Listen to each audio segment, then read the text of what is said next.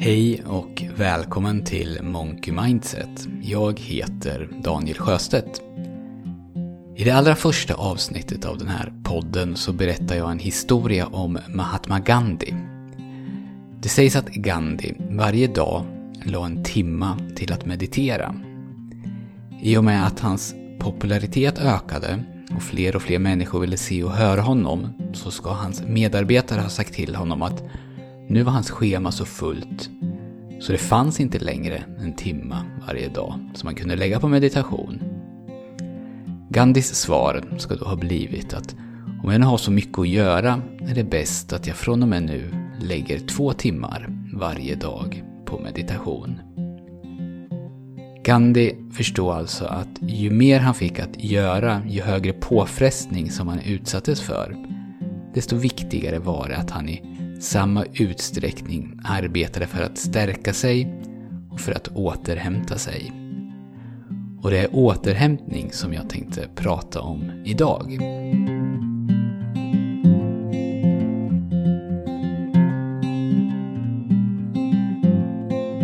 När du går till gymmet och lyfter vikter så funkar det ju så att när du är i gymmet och lyfter så påfrestar du dina muskler, du stressar dem genom att låta dem jobba hårt. Och i någon mening så bryter du ner dina muskler genom att lyfta vikter. När du sen är klar med träningen så börjar din kropp jobbet med att reparera sig själv. Och det är under den här perioden, alltså viloperioden, som musklerna återhämtar sig, bygger upp sig igen och till och med funkar så smart att de förstår att eftersom tyngderna som lyftes idag frestade på så mycket så är det bäst att de reparerar sig till att bli lite starkare än vad de var innan. Själva tillväxten av muskler och ökningen i styrka den kommer alltså under viloperioden. Och bara som en parentes så finns det ju fler faktorer som spelar in här, som kost eller ålder eller livsstil till exempel. Men den som tränar hårt och seriöst, han eller hon lägger mycket tid på att försöka hitta en bra balans mellan träning och återhämtning. För ju hårdare man tränar, desto mer återhämtning krävs. Och vill man träna ofta eller länge under varje träningspass så kan man helt enkelt inte stressa kroppen särskilt mycket under träningspassen. Man behöver då ta det relativt lugnt och ligga en bra bit under den belastning som man egentligen klarar av. För det finns inte tillräckligt mycket utrymme för återhämtning. Och om du är idrottsintresserad, som jag, så kanske du har noterat att de som är duktiga i de här sporterna, där det krävs väldigt mycket träning, sällan pratar om ett misslyckande eller en skada eller en dålig säsong. Att det beror på att de tränar för lite. Utan snarare så beror det ofta på att man har överbelastat eller övertränat man har alltså skapat stress i kroppen, stress i musklerna, man har brutit ner. Man har gjort det här på flit när man har tränat. Men så har man inte gett kroppen tillräckligt med utrymme för att hantera all den här stressen. Man har inte låtit den reparera sig själv för att bli starkare. Och resultatet blir då att istället för att utvecklas av träningen så blir man skadad, eller så står man still eller går bakåt, eller så utvecklas man åtminstone inte i samma takt som konkurrenterna.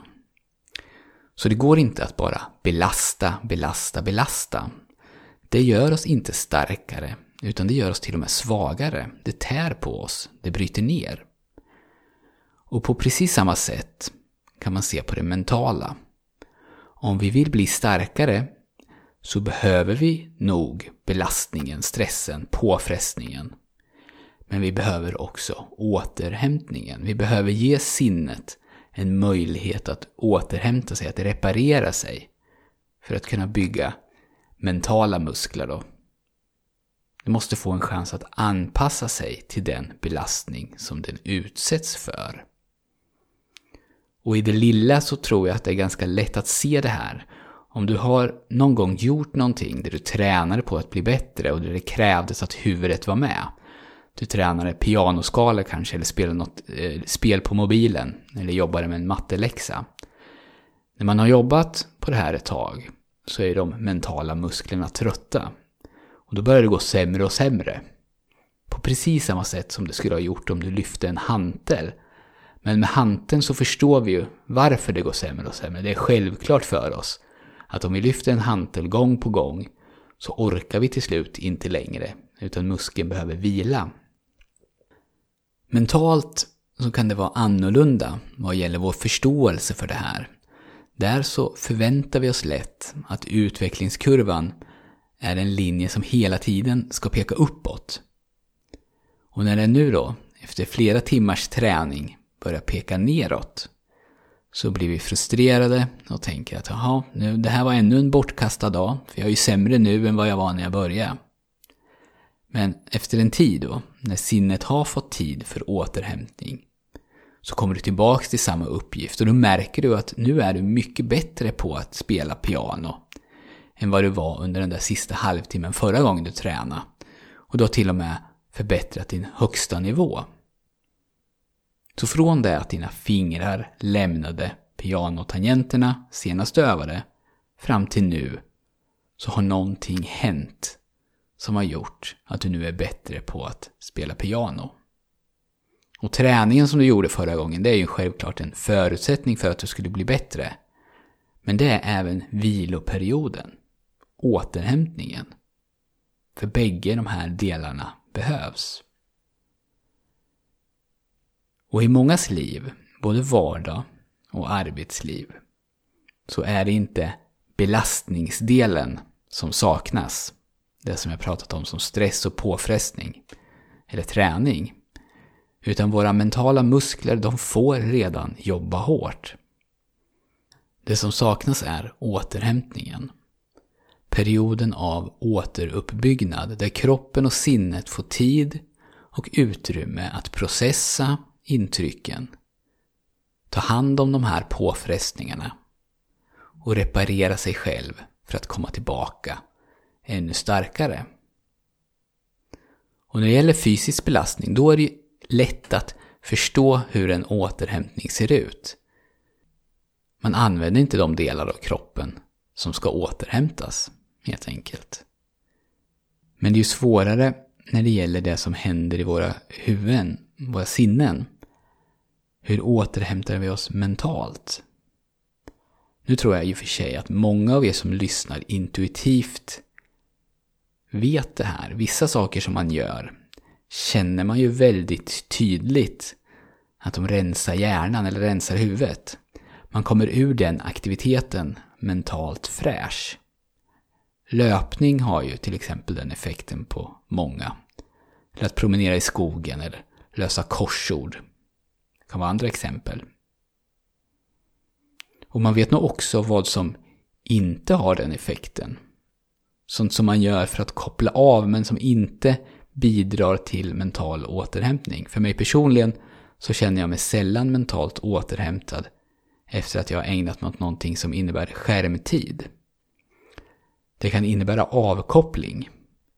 Men avkoppling är inte samma sak som återhämtning.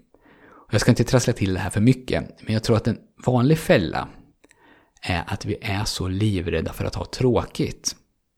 Och ett säkert sätt att inte ha tråkigt, det är att utsätta oss för ständig stimuli. Alltså att vi tillåter att vi bombarderas med intryck som kommer utifrån.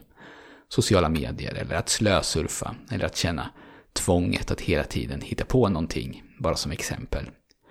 Och jag har ju pratat om det här tidigare, men det finns ju massor med aktörer där ute som mer än gärna hjälper dig och mig att inte ha tråkigt. För om de bara kan få din uppmärksamhet så kan de sälja den vidare till andra. Och då kan de tjäna pengar. Jag kommer fortsätta att prata om det här ämnet nästa vecka. Men jag vill avsluta med att säga att jag tror att du kan tjäna mycket på att börja tänka på det här på samma sätt som en idrottare gör, eller på samma sätt som Gandhi. När man utsätts för påfrestning och stress så krävs återhämtning. Återhämtning förhindrar att vi bryts ner och det gör oss också starkare. Det är en förutsättning för att bli bättre. Och de bästa metoderna som jag vet för systematisk mental återhämtning, det är meditation och mental träning med ljudfiler. Men det finns självklart många andra metoder.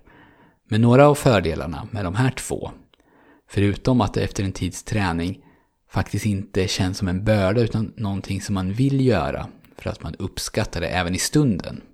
Alltså det är skönt helt enkelt. Det är att det krävs relativt lite tid. Om man lägger mellan 15 och 40 ungefär minuter per dag så tror jag att nästan alla skulle uppleva en avsevärd förbättring i livskvalitet, upplevd livskvalitet efter bara några veckor och i vissa fall efter bara några dagar. Då kan man känna att man tar sig ur den här fasen av nedbrytning och går in i en fas av uppbyggnad, återhämtning. Och det kan ske då till exempel i form av ett större lugn eller bättre humör eller bättre sömn. Eller kanske en ökad förmåga att fokusera. Och det krävs ju heller ingen utrustning för att göra det här och det kan vara helt gratis. Det var det jag hade för den här gången. Mitt mål med de här poddarna är att åtminstone ibland ge dig någonting att fundera över. Och jag hoppas att det har lyckats den här gången. Och om du vill testa de här ljudfilerna med mental träning som jag pratade om så kan du få det som du behöver för att komma igång av mig. Och det kostar ingenting. På min hemsida monkeymindset.se så finns det en ruta där du kan fylla i din e-mailadress och då skickar jag dig fyra ljudfiler med mental träning samt instruktioner. Och jag har också ett lite mer utförligt träningsprogram som går att köpa. Och om du är intresserad av det så går du också till hemsidan och där finns en flik i menyn som heter träningsprogram. Och jag kan väl till slut passa på att berätta att jag just nu arbetar med ett program för dig som vill veta mer om meditation, framförallt mindfulness, som är en typ av meditation. Och i det här programmet så kommer du få både det praktiska, alltså du kommer att börja meditera, skapa en meditationsvana, och så får du teorin och forskningen som finns bakom, för det finns jättemycket forskning gjort på just meditation. Och det här får du då i föreläsningsform. Jag håller föreläsningar inom olika delar. Och det här kan man titta på i sin egen takt. Men mer information om det här kommer relativt snart. Tack så mycket för att du har lyssnat. Vi hörs snart igen.